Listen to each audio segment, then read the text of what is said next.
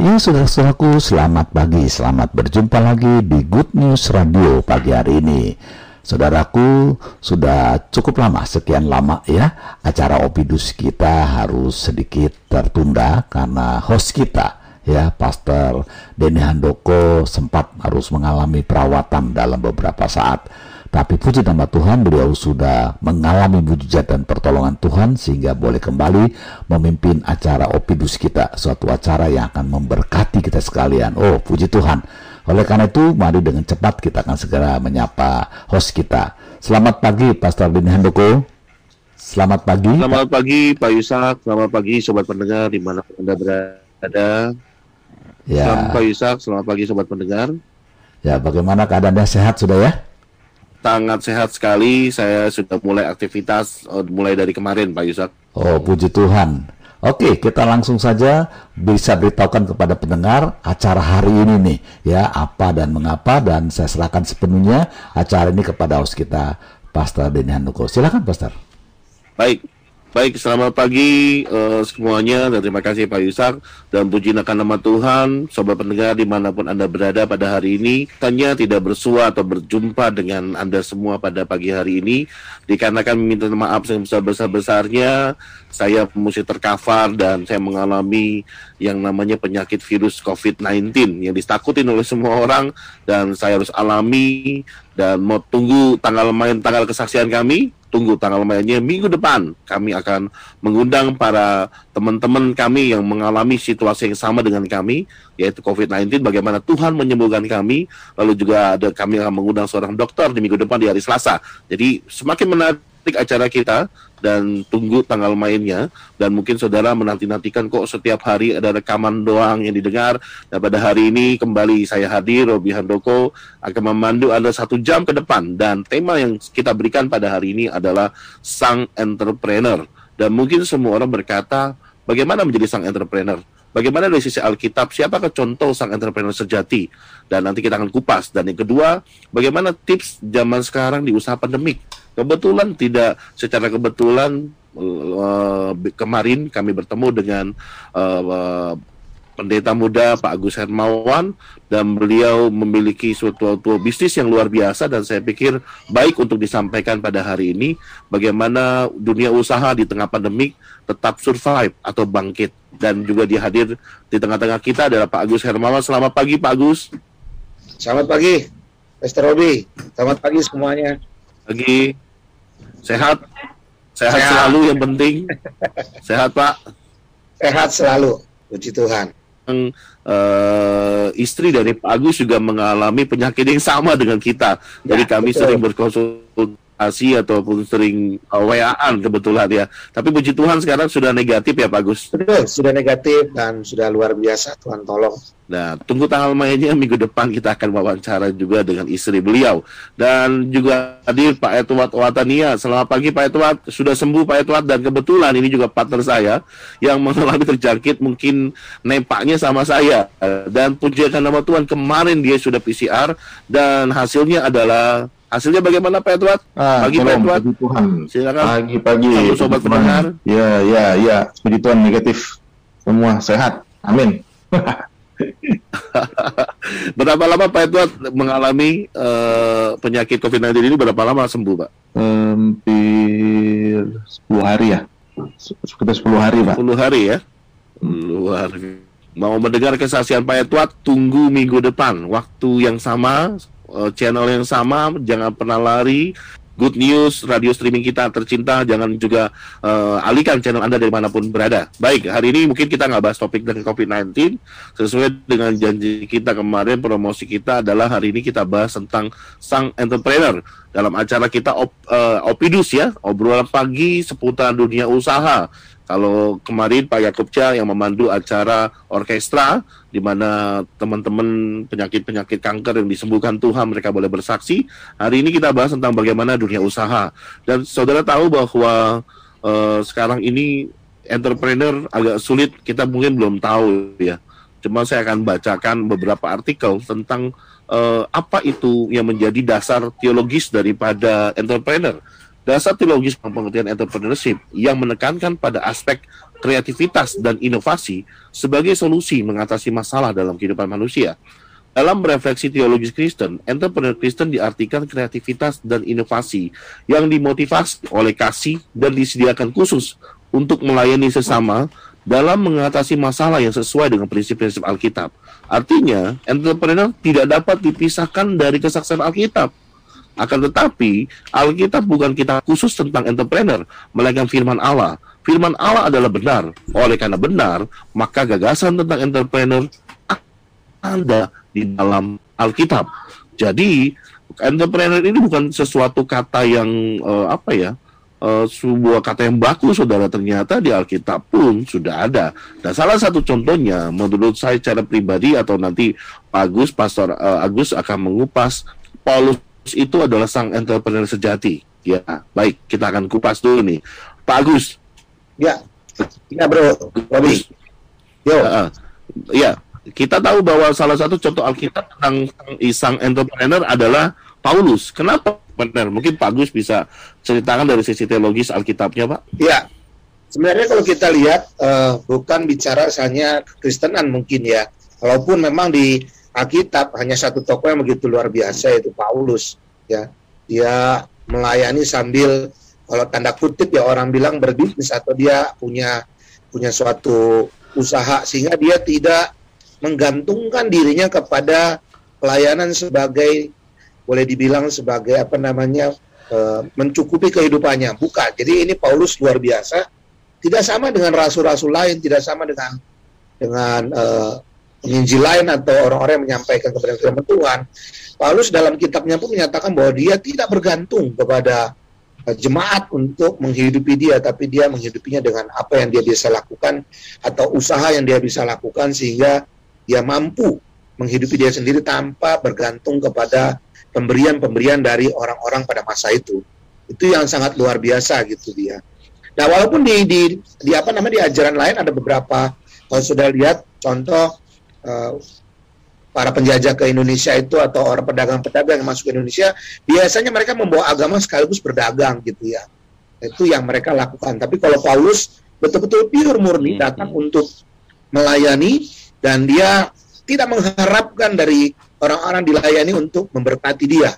Tapi dia betul-betul melakukan suatu usaha suatu kegiatan yang bisa mencukupi kehidupan dia menjadi berkat. Dan saya tahu mungkin itu bukan hanya sekedar untuk dia yang nggak mungkin dia mengerjakan. Nah, contoh ya dia kan kalau kita katakan dia bikin tenda ya kalau dalam sejarahnya nggak mungkin dia sendiri. Pasti juga ada orang-orang yang sekitar dia untuk bantu dia. Artinya usaha dia bukan hanya sekedar berdampak buat dia tapi buat orang-orang yang ada dekat dengan dia pun memiliki dampak mendapatkan hasil yang yang juga sama seperti dia. Itu pembukaan dari saya bi. Robi silakan. Oke okay, terima kasih Pak Gus luar biasa. Cuman kita nggak bahas tentang sisi Alkitabiahnya lagi. Nanti secara khusus lah kita akan bahas bagaimana tentang Paulus, siapakah Paulus. Nah, ya. menarik saudara karena kita berancang bagaimana kita ingin uh, mengembangkan uh, entrepreneur anak-anak muda, entrepreneur buat orang-orang tua juga. Jadi kami sedang merancang bagaimana membuat sebuah terobosan baru, khususnya bagaimana anak-anak Tuhan dapat bisnis permission. Nah, ini yang kita mau kembangkan, saudara. Nah, Baik, saya akan membacakan beberapa pakar tentang pengertian menurut Brian Bagus. Apa itu entrepreneurship? Nah, entrepreneurship menurut Brian Bagus, seorang pakar, berkata artinya kewirausahaan adalah tindakan kreatif dimungkinkan oleh dorong kreatif yang diberikan Allah kepada manusia atau orang percaya. Selain itu, memerlukan sifat-sifat pribadi tertentu bahwa Allah menginginkan orang percaya untuk memilikinya. Nah, Brian Bagus juga menambahkan, artinya Alkitab berisi beberapa kasus kewirausahaan. Tapi pertama-tama kita harus memastikan bahwa kita menggunakan definisi yang tepat dari kata kewirausahaan atau entrepreneurship adalah tindakan kreatif yang membawa tingkat kepuasan kepada orang-orang, menghasilkan lebih ketertiban dan menemukan cara untuk menciptakan nilai lebih besar dari yang ada sebelumnya. Nah, itu disebut dalam menurut Brian Bagus dan terakhir menurut pakar dan Dr. Yakub Tomatala Tomatala memakai istilah entrepreneur rohani untuk membedakan dengan entrepreneur umum. Entrepreneur rohani adalah konteks pembahasan Tomatala dalam bukunya yang berjudul Spiritual Entrepreneurship. Anda juga bisa menjadi entrepreneur rohani, tidak lain adalah entrepreneur Kristen. dalam konteks Kristen, Dr. Yakub Tomatala menyatakan entrepreneur rohani atau Kristen adalah orang yang memiliki hubungan unik dengan Tuhan sebagai dasar kekuatan dan integritasnya dalam berusaha. Entrepreneur rohani adalah penyalur berkat Tuhan kepada orang lain yang ada di sekitarnya.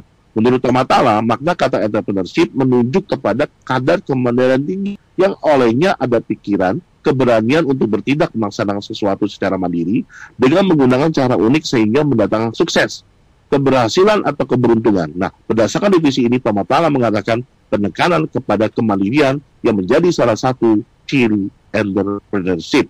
Kita garis bawahi kata kemandirian. Ternyata seorang entrepreneur itu harus mandiri, betul ya Pak Agus ya?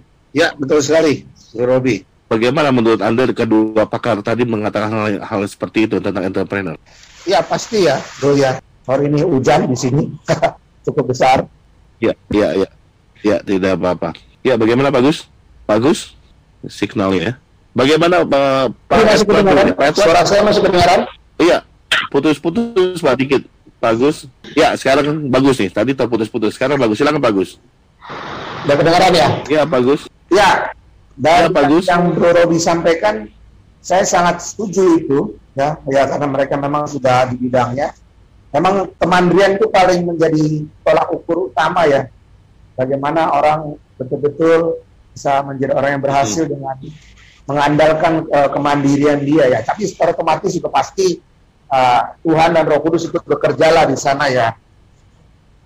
Tapi artinya betul-betul seperti Paulus katakan juga, dia tidak bergantung kan, tidak bergantung kepada siapa-siapa, ya tidak menggantungkan dirinya kepada siapa pun gitu kan.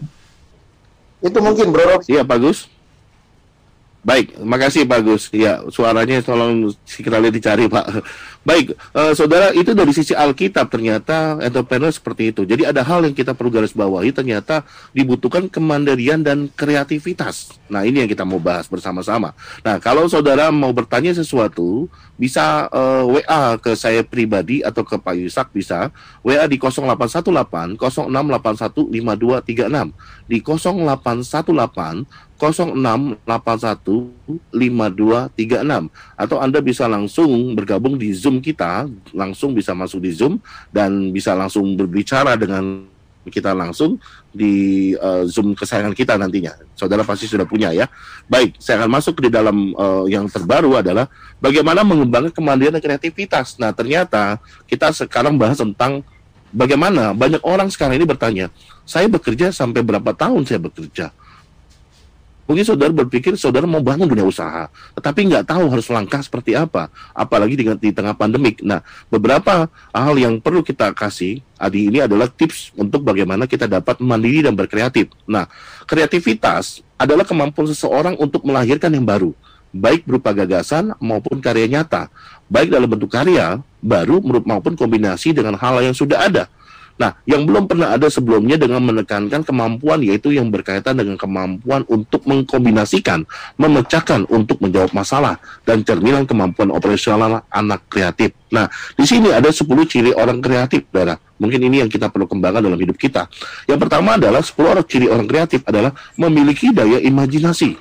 Jadi berpikir ke depan, orang yang visioner itu adalah orang yang memiliki daya imajinasi. Yang kedua adalah ada inisiatif tidak tergantung uh, arahan dari atasan, tetapi seorang yang berkreatif adalah seorang yang memiliki inisiatif. Nah, yang ketiga adalah memiliki minat yang luas, memiliki minat yang luas. Yang keempat adalah dia tuh orang yang berbebas dalam berpikir, tidak terhambat oleh satu ide, dua ide, tiga ide, tapi bebas dalam berpikir. Nah, yang selanjutnya adalah yang kelima adalah tidak kaku atau terhambat, tidak kaku atau terhambat. Orangnya fleksibel. Nah, yang selanjutnya yang keenam adalah bersifat ingin tahu. Apa aja dia ingin tahu. Dia ingin tahu bisnis ini, bisnis ini, usaha ini, usaha dia selalu ingin tahu. Itu orang kreatif. Nah, yang selanjutnya ketujuh adalah selalu ingin dapat pengalaman baru. Dia selalu mau dapat pengalaman-pengalaman yang baru yang belum pernah dia rasakan. Nah, yang ke, ke selanjutnya kedelapan adalah percaya pada diri sendiri. Jadi Orang kreatif itu adalah percaya pada diri sendiri. Dia tidak menjiplak orang lain, dia tidak melihat uh, orang lain seperti ini, tapi dia percaya diri sendiri, pede. Nah, yang selanjutnya ke-8 adalah dia penuh semangat. orangnya penuh semangat. Orang kreatif itu penuh semangat. Dia nggak peduli COVID-19, dia nggak peduli uh, lagi sepi, uh, dia nggak peduli lagi lagi krisis, tapi dia semangatnya luar biasa. Itu orang kreatif. Nah, yang selanjutnya dia berani mengambil risiko. Orang berkreatif, orang kreatif adalah dia berani mengambil risiko, tidak takut membuat kesalahan. Nah, yang terakhir, yang terakhir orang kreatif adalah dia berani berpendapat dan penuh keyakinan. Jadi inilah yang saudara tahu bahwa oh saya ada nih di posisi ini nih kreatif, iya kan? Nah bagaimana menurut pendapat Pak Edward? Pak Edward, pagi Pak Edward. Pagi Pak Robi, ya. Ya salam semua pendengar. Bagaimana pandangan Anda seorang entrepreneur itu harus mandiri Ya, bagaimana pandangan Anda? Seorang entrepreneur itu harus mandiri dan berkreativitas. Tadi kreativitas adalah uh, disebutkan ada CPU 10 orang yang harus dilakukan sebagai orang kreatif. Nah, bagaimana pandangan Anda? Pandangan saya memang kalau seorang entrepreneur itu memang harus uh, punya jiwa mandiri. Karena apa? Karena uh, ya, betul. Tidak boleh bergantung kepada uh, orang, tapi yang mengandalkan diri sendiri dan Tuhannya gitu. Jadi uh, memang untuk jadi seorang entrepreneur jangan uh, ada, mentor harus ada mentor, tapi untuk mandiri menjalankan apa yang jadi ide dia, ide kita itu harus berani. Mandiri itu kategori juga harus berani ya. Kalau orang nggak berani dia nggak akan bisa mandiri pak. Kemudian uh, kreativitas itu nah, pasti timbul biasa dari orang mandiri ya biasanya begitu. Karena kalau entrepreneur dia tidak berkreasi tentu dia melakukan hal-hal yang sama seperti orang lain lakukan. Tapi kalau dia berkreativitas berarti dia melakukan sesuatu yang agak berbeda dengan yang lain. Nah, dengan berkreativitas uh, kita akan ketemu hal-hal yang baru. Nah hal yang baru itu kita harus berani melangkah gitu kan. Dan biasa hal yang baru pada saat kita bebas berpikir bebas berpikir itu memang betul termasuk dari kreativitas tidak ter uh, ada tekanan dari kiri kanan tapi dia berkarya bebas berpikir. Nah pada saat dia ketemu ide dia harus action. Action action biasanya uh, akan ketemu tembok itu biasa. Kalau dia tabrak tembok saya tabrak tembok ya kita harus cari jalan bagaimana keluar mencari jalan yang lain jadi memang seorang entrepreneur itu prinsip uh, sederhana saya adalah dia mandiri, berani, dan harus uh, berpikir bebas dan action. Karena kalau kita cuma ada ide tanpa action, kita nggak tahu tantangan ada di mana, Pak Robi. Itu, Pak. Ya. ya. Terima kasih Pak Edward pandangannya. Ya. Bagaimana pandangan Pak Agus? Ya, jika banyak orang berkata seperti ini, saya bekerja berapa tahun, tapi saya begini-begini saja Nah, apakah orang-orang tersebut yang seperti ini harus berani melangkah menjadi seorang entrepreneur sejati? Menurut pandangan Pak Agus bagaimana selama pengalaman dari pekerjaan akhirnya Pak Agus mau terjun nih ke dunia, dunia wirausaha yang saya dengar ini dan cukup menarik dunia usahanya kemarin saya udah ngomong-ngomong dengan beliau. Bagaimana pandangan Pak Agus? Iya, Bro Robi. Kedengaran suara saya, Bro ya, Robi? Pak Agus. Kedengaran ya. suara saya? Bagaimana pandangan Pak, Pak Agus? Yang... Ya. Ya, kedengaran, kedengaran. Silakan Pak Agus.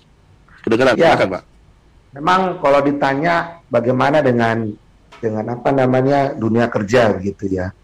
Dunia kerja itu kan dunia yang boleh dibilang uh, rutinitas sudah dilakukannya begitu begitu saja ya.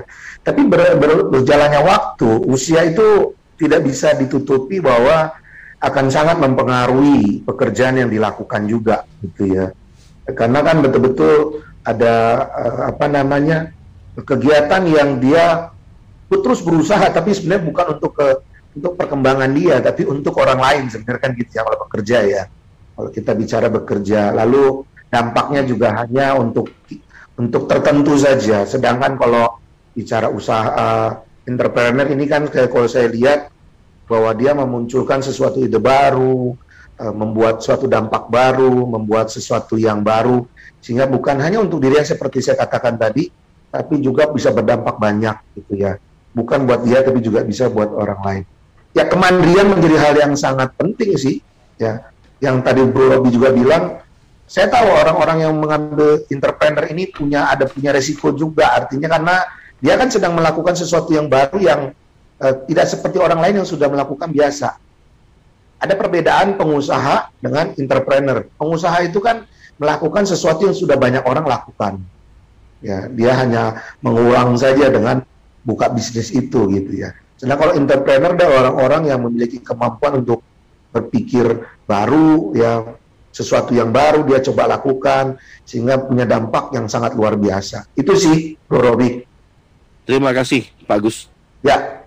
Dan saudara, sekali lagi saya masih buka kesempatan kalau ingin Anda bertanya tentang seputar menjadi entrepreneur, Anda bisa menanyakan langsung kepada narasumber kita atau kepada kita pada hari ini, para anak-anak uh, ya pengalaman di dunia entrepreneur dan memang betul, saudara, saya secara pribadi bahwa dalam hal melangkah mengambil sebuah bisnis ataupun mengambil sebuah dunia usaha itu diperlukan keberanian, dibutuhkan kreativitas, dibutuhkan kemandirian. Ini yang penting dalam hidup saya, saudara. Saya usaha cuma hanya dua, advertising terakhir karena bangkrut dan terakhir di dunia properti lelang, di mana mungkin orang menganggap mustahil, tapi kita punya Tuhan yang tidak mustahil. Itu aja pegangan kita. Yang penting saudara berkreatif, anda punya kreativitas, Anda punya keberanian, berani melangkah ke depan. Nah, pertanyaannya selanjutnya adalah bagaimana sekarang kita memulai sebuah dunia usaha di mana sekarang ini persaingan begitu ketat, begitu luar biasa. Nah, saya akan kasih tips beberapa yang sangat bagus untuk kita praktekkan dalam dalam hidup saya, dalam hidup Pak Agus, dalam hidup Pak Edward sudah praktek bersama harus berusaha pertanyaannya sekarang mengapa kita harus berwirausaha atau menjadi seorang entrepreneur? Beberapa alasan mengapa kita harus berbisnis saya catat di sini adalah pertama adalah kebutuhan hidup semakin meningkat. Kita tahu bahwa mungkin dulu kita uh, dalam hal sendiri masih belum berkeluarga, punya cash cash flow kita ya biasa-biasa saja dan bisa kita atur. Tapi pada waktu kita punya istri, punya pasangan hidup, lalu punya anak, anak mau sekolah, itu kebutuhan hidup semakin meningkat jadi kita perlu menaikkan cash flow ataupun income kita. Yang kedua, pengangguran semakin banyak. Saudara tahu bahwa banyak sekali orang-orang di PHK dalam masa pandemik ini. Kita harus berusaha dong sekarang ini harus, harus bagaimana survive, bangkit. Supaya kita tidak mengalami seperti PHK di dalam perusahaan-perusahaan lain. Yang ketiga, pekerjaan layak sulit untuk didapatkan. Ya saudara, saudara tahu teman-teman saya yang lulusan S1, S2 selalu jatuh-jatuhnya jadi apa? Jadi super grab. Jadi apa? Jadi gojek dan sebagainya. Apakah kita mau seperti itu? Kita harus berani melangkah mulai hari ini. Memang pekerjaan lain sulit untuk didapatkan, tapi kita harus berani melangkah. Bagaimana kita belajar untuk menjadi seorang entrepreneur berwirausaha. Yang keempat, biaya kuliah tidak sebanding dengan pendapatan pada saat pertama masuk kerja biaya kuliah tidak sebanding dengan pendapatan pada saat kita masuk kerja. Setuju ya saudara ya? Nah lalu niatkan tujuan berbisnis bukan untuk mencari kekayaan. Sekali lagi saudara, kita terus bawahi seorang pebisnis anak Tuhan adalah niatkan tujuan berbisnis bukan untuk mencari kekayaan, tetapi untuk tujuan yang lebih baik, untuk diberkati, untuk memberkati. Diberkati untuk memberkati. Saudara, ini sangat luar biasa sekali. Nah, selanjutnya Bagaimana setelah kita tahu harus berusaha? Nah, pertanyaan selanjutnya, bagaimana menjadi karakter seorang entrepreneur? Seorang entrepreneur atau pebisnis atau seorang usaha karakter apa yang harus dimiliki? Ini yang kita penting, saudara. Apa yang dikatakan tadi berkata niatkan tujuan berbisnis bukan untuk mencari kekayaan, akan tetapi untuk tujuan lebih baik. Kenapa? Karena kita tahu kita harus memiliki karakter. Nah, karakter apa harus kita miliki hari ini? Yang pertama adalah motivasi tinggi untuk sukses. Saudara, kita sebagai pengusaha, kita sebagai entrepreneur harus memiliki motivasi tinggi untuk sukses, menggapai sebuah impian yang the real action, yaitu kata Pak Etua tadi, ada tindakan nyata. Nah, yang kedua, siap untuk menerima kegagalan. Saudara, mungkin kita usaha ini gagal, usaha ini gagal, jangan takut, terus melangkah. Karena kegagalan itu adalah proses di mana menuju keberhasilan. Yang ketiga adalah pantang menyerah menghadapi hambatan atau kesulitan. Jadi kita never give up. Hadapi terus orang mungkin bilang kita gila dan sebagainya, tapi kita melangkah sesuai dengan impian dan dipimpin oleh Tuhan, kita pasti bisa menerobosnya. Nah, yang selanjutnya keempat mau belajar dari banyak orang. Pak Edward salah satu selalu ikut saya ke mana saja, selalu ikut makan apa dia ikut. Pernah saya jerumusin dia makan cabai banyak dia pedesan saudara. Nah, kenapa? Dia mau belajar. Mau belajar dari banyak orang saudara.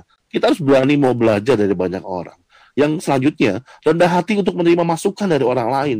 Jangan pernah dikritik saudara emosi, dikritik Anda mulai down dan sebagainya. Masukan dari orang lain. Kita perlu saudara dalam dunia usaha dan sebagainya. Nah selanjutnya cekatan dalam memulai dan menjalankan sebuah peluang usaha. Kalau saudara lihat ini peluang yang baik, ayo kita kita kerjakan bersama-sama. Saudara, saya terinspirasi pada waktu bersama dengan anak saya nonton film drama Korea yang bertemakan yang bernama filmnya judulnya adalah uh, apa namanya uh, apa? Uh, film Korea drama Korea CEO uh, start, start, startup startup. Filmnya berjudul startup ya uh, berjudul Startup. Ini film yang sangat bagus dan saya terinspirasi. Bagaimana ada mentor-mentor dunia usaha di mana mereka memimpin anak-anak muda, dewasa muda untuk menjalankan mereka menjadi CEO, menjadi seorang leader, saudara. Dan ini mereka punya menggapai impian yang begitu Ya. tinggi. Mereka menciptakan sebuah yang namanya sandbox. Sandbox itu gedung impian di mana seluruh para para entrepreneur, para para anak-anak muda, dewasa muda, mereka meninggalkan bisnis mereka, meninggalkan pekerjaan mereka hanya untuk mengikuti acara sandbox ini. Sandbox ini bicara mereka mengumpulkan orang dari 10 orang, dan 10 orang ini mereka menjalankan bisnis, yaitu menjadi seperti Steve Jobs mereka menjalankan bisnis dan mereka punya mentor di situ. Dari sekian ribuan orang terpilihlah menjadi 10 PT di mana dalam dalam sandbox itu mereka sudah menyiapkan 10 tempat ruangan untuk menjalankan dunia usaha. Dan ini yang kita mau kerjakan dan saya terinspirasi dalam hal ini. Saya lagi mencari beberapa mentor untuk menjalankan dunia usaha ini. Tunggu tanggal mainnya saudara nanti kita akan undang saudara untuk bisa bergabung termasuk Pak Agus, Pak Edward yang sudah kita diskusikan dan saya sudah bertemu dengan dunia dengan dua orang mentor dia mereka punya anak Tuhan dan rendah hati dan dia mau bergabung bersama dengan kita. Jadi kita harus cekatan dalam mulai usaha dan menjalankan sebuah peluang usaha. Tidak malas untuk melakukan pekerjaan detail dan yang pasti adalah menghindari rasa malu. Oke, baik. Silakan Pak Agus berikan pandangan Anda. Ya, Bro Robi mungkin tadi sempat singgung di awal ya. Eh, Baik, Pak Ed. yang saya kerjakan yang sekarang ini sedang kita coba mau bangun ya. Bro Robi sudah dengar kemarin. Ya, Baik, yang Pak. film Bro Silakan, Pak. Iya. ya yang Bro Robi ceritakan pun saya sudah lihat filmnya memang itu luar biasa. Boleh menjadi inspirasi yang luar biasa film Mm-mm. itu. Ya, dari bukan siapa-siapa akhirnya menjadi luar biasa ya. Idenya akhirnya dipakai Ya. menjadi peluang bisnis yang luar biasa itu film. Ya. Eh, sama seperti yang Bro Robi bilang bahwa saya juga sedang me- membangun satu suatu usaha yang dilakukan bersama dengan anak-anak Tuhan dan anak-anak muda. Eh, rata-rata usianya masih di bawah di bawah 40 lah mereka rata-rata semua. Jadi saya coba kumpulkan komunitas ini dan kita membentuk satu badan koperasi untuk menjadi berkat dan tujuannya seperti Bro Robi bilang juga bukan untuk sekedar bicara tentang mencari kekayaan tapi bagaimana berdampak buat eh, banyak orang ya khususnya hamba Tuhan. Jadi plan kita koperasi kita ini akan kita bangun di daerah-daerah juga. Ini kita sekarang sedang melakukan izin eh, dari Menteri Koperasi untuk membangun koperasi ini. Setelah itu kita akan bergerilya ke daerah untuk membuka cabangnya dan untuk memberkati para hamba Tuhan, memberkati anak-anak Tuhan yang di daerah yang selama ini kalau mereka sudah mulai tamat SMA mereka ke kota-kota besar, akhirnya tinggalkan desanya dan mereka bekerja di kota besar dengan gaji yang tadi Robi bilang lah berapa sih yang mereka bisa dapatkan dari apa yang mereka lakukan. Nah, kita mencoba akan membangun eh, di daerah-daerah koperasi di mana mereka bisa melakukan aktivitas baru di sana, melakukan usaha baru sehingga bisa eh, mendapatkan penghasilan cukup baik buat mereka dan buat gerejanya juga. Nah, itu yang kita sedang bangun Bro Robi. Jadi kita berharap nanti dukungan juga dari rekan-rekan teman-teman untuk bisa sama-sama kita bangun ini karena boleh saya bilang ini belum pernah dilakukan oleh gerejanya. Ya di luar sana mungkin ada orang-orang sudah mulai melakukan, tapi kita coba membangunnya dengan metode baru dengan dengan cara yang baru. Nah ini maka kita nanti juga akan belajar dengan Bro Robi bagaimana entrepreneur yang betul-betul bisa eh, mengembangkan dengan luar biasa dan menjadi berkat bagi banyak orang, bagi gereja-gereja di daerah. Ya kita sudah berkumpul 9 orang anak-anak Tuhan, Eh, ada pendeta juga di sana, pendeta muda yang kita sedang coba dapatkan usaha ini dan kita menjadikan berkat buat banyak orang. Itu sih Bro Robi yang mungkin saya kasih gambaran apa yang sedang kita lakukan Uh, saya lihat Bro Robi begitu semangat, begitu luar biasa, dan ini memacu saya sebenarnya jujur ya. saja salah satu yang memacu saya juga untuk uh, harus lakukan sesuatu gitu ya, agar kita hmm. bisa menjadi berkat bagi banyak orang. Seperti itu Bro Robi.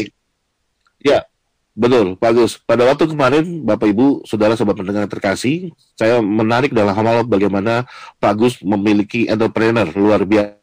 Kalau bisa dilegalin supaya kepercayaan orang lain kepada menanam saham dan sebagainya terpercaya karena ter, ter, terdeteksi melalui legalitas yaitu dengan koperasi. Kalau koperasi kan sudah hukumnya kuat Bapak Ibu. Nah, makanya dari itulah Pak Agus sedang merancang koperasi yang yang akan dibentuk dan koperasi itulah yang akan menjadi penyaluran berkat, yaitu bagi banyak orang ber, berinvestasi ataupun dengan modal kecil, modal 10 juta, 5 juta mereka bisa berbisnis ya dengan modal kecil. Nanti kita akan bahas juga tentang uh, bagaimana cara memulai wirausaha. Nah, Saudara, uh, ini salah satu contoh yang saya bilang tadi. Ya, jadi bagaimana kita bisa mengembangkan oh di tengah pandemik tapi bisa menghasilkan uh, sebulan bisa 2 3 persen persen dari modal 10 juta. Nah, itu kan hal yang langka. Ya kan kalau saudara nabung di bank, deposito, paling berapa persen yang sudah dapatkan selama setahun. Tetapi kalau saudara melihat peluang bisnis ini dan bisnisnya menjantan, maka saudara jangan jangan jangan jangan jangan lambat dalam memutuskan sesuatu. Makanya pada waktu kemarin kita ngobrol-ngobrol dengan Bro Agus, ayo kita kembangkan bersama-sama dan kita akan memprokamilkan dengan teman-teman dari sobat pendengar yang mau bergabung dengan kita ini Pak Agus ya dengan bisnis yang kita modalkan ini kita jadi contoh ini bisa berkembang baru kita tarik sebanyak-banyaknya teman-teman anak-anak Tuhan yang mau bergabung. Kenapa? Karena dalam dunia bisnis untuk anak-anak Tuhan harus hati-hati ya makanya saya bilang pondasi yang dibangun dunia usaha kita harus jangan nanti gara-gara uang ribut gara-gara uang kita uh, pecah gara-gara uang kita kira pindah gereja. Nah, inilah yang kita harus mendasari yang seperti yang saya bilang tadi. Bisnis bukan mencari kekayaan, tapi tujuan yang lebih baik. Dalam hal tujuan lebih baik, kita mau harus memiliki karakter. Nah, ini dia. Ada beberapa pertanyaan yang kita perlu jawab ya. Nah, terakhir mungkin pandangan dari Pak Edward bagaimana Pak Edward? Sebelum kita jawab ke pertanyaan yang masuk. Silakan Pak Edward untuk menanggapinya. Ya, uh, saya sangat senang sekali Pak Ruby itu mengenai yang uh, startup. Karena memang anak-anak muda sekarang ya itu uh, mengarah ke mempunyai dreams untuk membuat startup. Ada beberapa ada beberapa anak muda yang barusan lulus kuliah pun di daerah, mereka uh, dari uh, backgroundnya arsitek, mereka berencana untuk membuat startup dan ide-ide muncul. Jadi memang harus ide Pak Robi itu sangat bagus, ada tempat menampung untuk kita mengseleksi ide-ide dan membuat mereka itu menjadi pengusaha, bukan uh, karyawan. Nah, karena memang, memang perlu proses ya untuk menjadi CEO atau memiliki perusahaan, perlu proses dan perlu mentoring. Jadi dengan konsep seperti ini ini akan sangat membantu Indonesia, terutama anak-anak muda untuk berkreasi. Karena sekarang dunia berubah dan um, banyak anak-anak, banyak teman-teman juga yang buat startup, tapi banyak yang kurang kurang berhasil, bukan belum berhasil, kurang karena mentoring. Nah itu sangat bagus Pak Ruby karena begitu banyak anak-anak muda yang memiliki impian untuk bangun startup. Nah sekarang anak-anak kecil pun kalau ditanya mau impian jadi apa, berbeda dengan kita dulu. Pilot, dokter, anak-anak sekarang mobil online, jadi gamers. Nah, bagaimana mewujudkan mereka memiliki game sendiri? Karena memang penghasilan seorang gamers itu luar biasa besar uh, setelah diselidiki. Bahkan kalau dia membuat games dan digandrungi banyak orang, game itu mm, jadi uh, pundi-pundi dia yang masih muda, masih belasan tahun, masih di bawah 30 mendapat penghasilan dari uh, games yang dia buat bahkan seorang gamers gitu. Jadi uh, itu ide bagus Pak Robi untuk membangun uh, usaha sendiri dan karakter karakter seorang pengusaha kan harus kuat ya, gitu Pak. Terima kasih.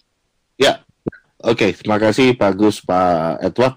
Nah, saudara saya akan uh, beberapa pertanyaan yang masuk. Shalom Pak Robi, pagi buat saya uh, dari Pak Hans nih, Sunta. Shalom Pak Robi, pagi buat saya ini seperti Tuhan Yesus pasti bisa mengambil keputusan dengan baik. Dan untuk Pak Agus, rencananya sangat baik dan pasti berhasil. Amin. Visi misinya pun sangat keren. God bless. Yaitu hanya statement dari uh, apa dari Pak Hans. Nah, masuk lagi nih. Pertanyaan pendengar, apa ciri-ciri khusus atau yang menonjol dari seorang yang memiliki jiwa entrepreneur? Apa ciri-ciri khusus atau yang menonjol dari seorang memiliki jiwa entrepreneur? Mungkin Pak Agus bisa dijawab, Pak Agus. Mungkin yang paling simpel satunya aja berani kali ya Bro Robi ya. Silakan Pak. Berani ya itu yang yang Iya. Menurut saya sih Bro Robi mungkin yang yang utama itu berani, berani melakukan sesuatu, berani memunculkan ide-ide baru. Kalau dari saya ya, terlepas dari mungkin Bro Robi lebih paham lah karena kan Bro Robi yang hmm. ada di dunia entrepreneur ini gitu ya. Seperti itu Bro Robi. Betul. Memang pertama, saudara, modal modal seorang entrepreneur adalah dia harus berani berani seperti bonek gitu ya saudara ya. Jadi harus harus berani melangkah. Jangan takut untuk orang bilang begini, aduh saya gagal dan sebagainya. Jangan takut, berani dulu. Yang penting um, menurut saya seperti jiwa seorang entrepreneur itu berani. Ya berani apa? Melangkah, berani melangkah. Kita percaya bersama Tuhan kita pasti bisa melangkah. Yang penting siapa Tuhan kita? Kita harus mengenal Dia lebih dalam. Maka dari itu yang penting adalah berani. Waktu saya gagal, saya habis semuanya tapi saya mau berani melangkah. Kalau saya stop sampai di situ, saya berdiam diri dan saya tidak lakukan apa-apa, maka saya nggak bisa seperti sekarang. Saudara harus berani melangkah. Itu yang pertama, ya. Ciri khusus yang melonjol dari kita adalah berani melangkah. Jangan takut. Yang kedua adalah mandiri. Itu yang menonjol. Kalau saudara mau mandiri, saudara mau memiliki peluang yang lebih besar lagi dalam uh, uh, mengembangkan dunia usaha, saudara harus berani dan kedua berani melangkah. Dan yang ketiga tadi adalah kita harus mandiri Nah, itu yang kita harus lakukan secara mandiri ya. Jadi ini yang kita harus lakukan untuk cara bagaimana menjadi entrepreneur. Itu menjawab ya. Terus lalu ada lagi, adakah faktor eksternal yang diperlukan untuk berhasilnya seorang menjadi entrepreneur yang berhasil? Adakah faktor eksternal yang diperlukan untuk berhasilnya menjadi seorang apa? Menjadi entrepreneur yang berhasil. Nah, saudara tahu bahwa Kenapa banyak orang yang uh, dalam hal faktor eksternal yang diperlukan untuk berhasil sama menjadi entrepreneur berhasil apa? Nah, saya uh, mungkin siapa dulu nih? Mungkin uh, Pak Edward. Gimana Pak Edward? Faktor eksternal yang diperlukan untuk berhasilnya seorang menjadi entrepreneur berhasil. Bisa dijawab? Um, kalau saya pertama itu dia harus ada mentor. Terus ada yang hmm. jadi waktu dunia Betul. usaha dia mulai, Betul. dia membeli dunia usaha ini uh, di dunia usaha itu siapa yang uh, berhasil kita belajar sama dia mentoring ah kita ikut nah itu uh, paling penting karena banyak yang uh, saya pernah alami sendiri bahwa saya memiliki ide saya hajar sendiri pada saat tertentu ada kelihatan ada hasil tapi pada saat terjadi jalan buntu uh, maunya berhenti aja padahal sebenarnya kalau diteruskin terusin itu udah jadi besar karena Nah, ini pengalaman pribadi saya, karena saya nggak ada mentor.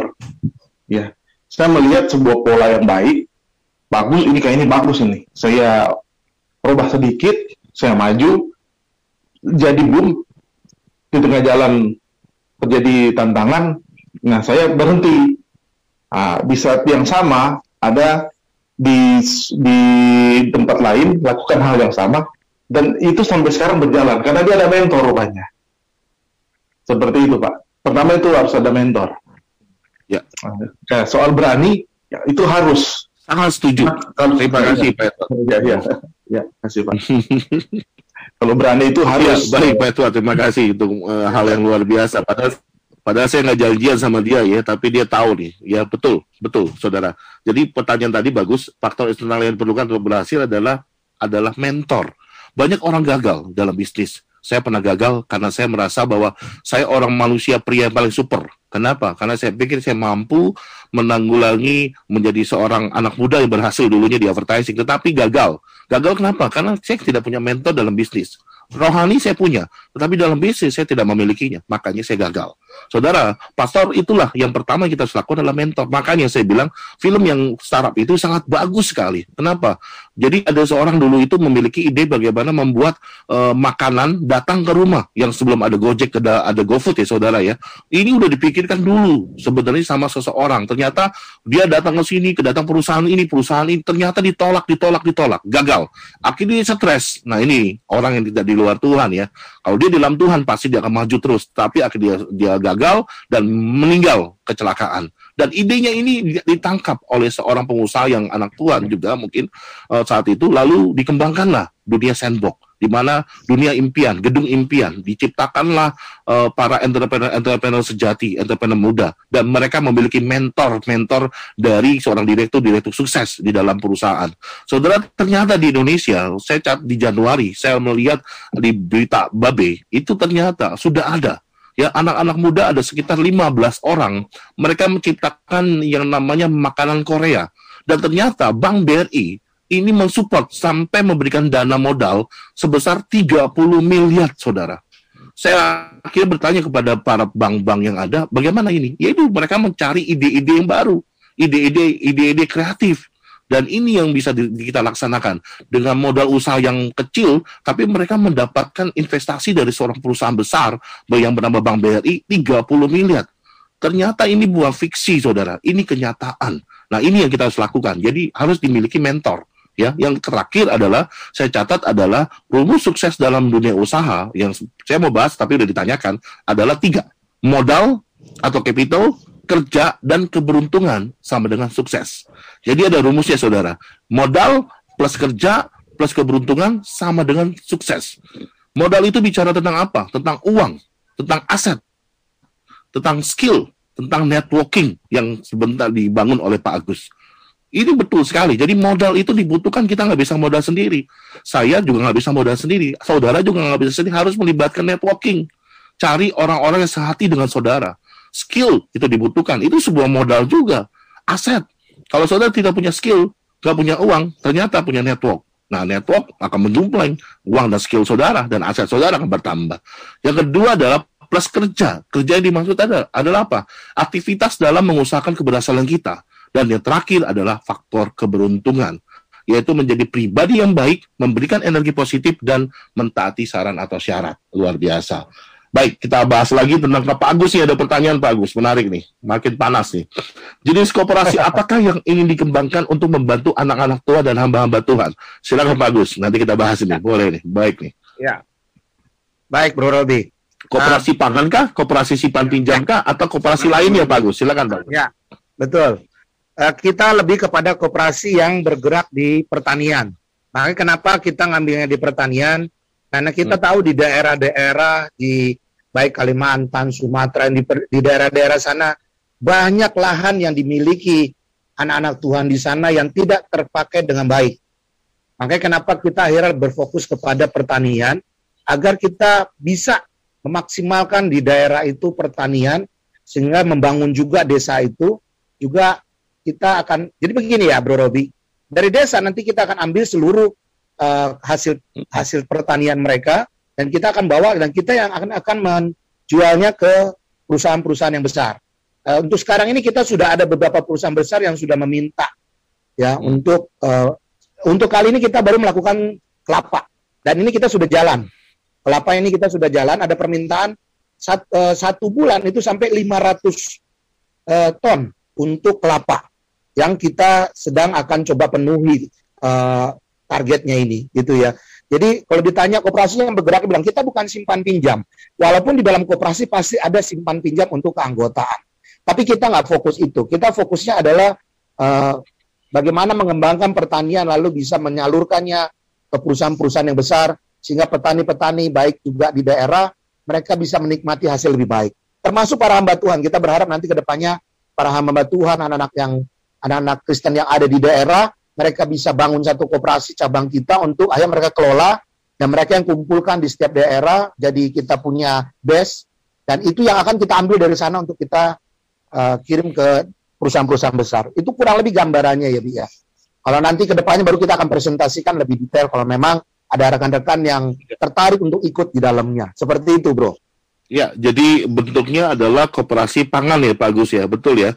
Betul. Jadi betul melihat peluang dari dunia usaha pertanian. Ini sangat menarik. Ini sebuah sebuah usaha yang memang mungkin mungkin kemarin saya dengar dari Pak Agus adalah karena kenapa basically si Agus ini bukan dunia pertanian nih dia nggak bisa nggak bisa ya kan? Dunia dia dunia usaha yang lain marketing. Tetapi kenapa melihat ini? Kenapa? Karena ada orang yang ahli di bidangnya yaitu temannya yang bekerja dulu di BUMN betul Pak Agus? Nah itu cerita Betul, tuh Pak. betul. kenapa mungkin orang bertanya "Loh, kamu kan tidak menguasai nah pertanyaannya adalah siapa yang menangani di sana mungkin bisa cerita sedikit Pak Oh baik, boleh. Ya kita ada berapa teman, kita kurang lebih ada sembilan orang yang ada di di dalam eh, koperasi ini. Ya salah satunya adalah namanya Ibu Ike, eh, dia yang menangani semuanya untuk eh, bicara tentang eh, mencari eh, buyernya. Artinya memang dia sudah banyak kenal dengan buyernya dan dia memang sudah sering melakukan usaha ini. Ya, saudara tahu bahwa di Indonesia itu buyer permintaan baik di lokal maupun di luar negeri itu sangat-sangat tinggi. Cuman yang dibilang tadi, eh, BUMN sendiri tidak mampu menampung atau memenuhi kebutuhan dari eh, permintaan itu. Sehingga kadang-kadang mereka kesulitan, sehingga meminta bantuan beberapa koperasi untuk mensuplai mereka. Nah, kita mengambil peluang itu. Ya, kita mengambil peluang itu karena itu merupakan sesuatu yang luar biasa. Eh, pemerintah sendiri belum bisa, seperti karena mungkin penanganannya menurut menurut rekan kita di penanganannya masih belum cukup baik sehingga belum bisa mengakomodir seluruh kebutuhan. Padahal Indonesia itu sangat-sangat melimpah hasil hasil apa namanya eh, pertaniannya, tapi belum bisa dikelola dengan baik. Nah kita berpikir dari kita ini ada sembilan orang, ada satu yang di situ orang, salah satu juga ada bagian yang luar biasa di dalam dia main valu, jadi orang yang sangat luar biasa. Dia adalah coach juga untuk eh, bisnis. Jadi ada beberapa orang di dalamnya yang luar biasa yang yang sudah memang eh, berkecimpung di dunia ini, di dunia bisnis ini sehingga kita nggak kesulitan untuk menangani hal ini. Ya, kita sudah jalankan eh, satu dua kali ini dan kita sudah mendapatkan profitnya seperti Bro Robi bilang, profitnya sudah ada dan kita akan gunakan itu juga untuk menjadi berkat buat orang lain. Seperti itu Bro Robi. Wah, luar biasa. Nah, makin panas nih Bapak Ibu Saudara, Sobat pendengar. Mau makin menarik ya. Cuman waktu juga nih, hanya 10 menit lagi.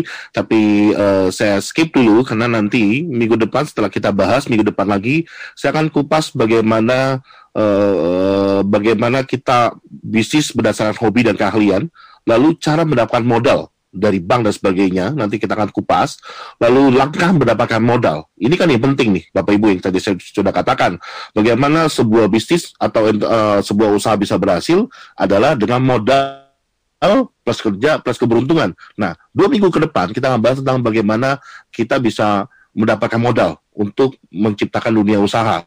Saya tertarik tuh Bro Robi. Dan nanti mungkin saya akan undang orang bank secara langsung. Bagaimana tertarik ya. Mau dikupas tetapi makanya saya bilang entrepreneur ini panjang sekali materinya. Jadi saya pikir puji Tuhan kalau ini kesempatan kita untuk kita dapat memberitahukan kepada teman-teman sobat pendengar. Kalau makin menarik nanti kita akan kupas lebih dalam lagi. Nah mungkin dua minggu ke depan sebelum karena minggu depan kita bahas tentang eh, tentang apa bersama dengan eh, penyitas eh, bekas penyakit COVID-19 di minggu depan lagi. Catat tanggal mainnya. Kita akan bahas tentang kupas cara mulai usaha memilih ide usaha bisnis berdasarkan hobi dan keahlian cara mendapatkan modal lalu langkah mendapatkan modal. Ada bisnis plan yang kita akan lakukan dan menyusun bisnis plan dan kita akan kupas juga mengapa banyak orang gagal dalam bisnis. Coba tidak punya pengalaman tidak bakal jualan belajar dong. Ya saudara luar biasa. Dan eh, saya masih menunggu eh, mungkin kita akan bikin statement terakhir. Kalau bapak ibu tertarik dengan apa yang sudah kita katakan tentang mengenai kooperasi yang pertanian bisa bergabung bersama kami. Base camp kami ada di Mall Sedayu Square ya Pak Gus dulu di Puri. Sekarang kami akan setiap hari berkumpul di sana dengan para entrepreneur-entrepreneur dengan para marketing-marketing. Banyak orang yang mau belajar. Silakan mau belajar dengan kita. Yuk sama-sama kita sharing bagaimana pengalaman pribadi. Karena ini cuma satu jam saya mengundang kesempatan juga kita juga berdoa.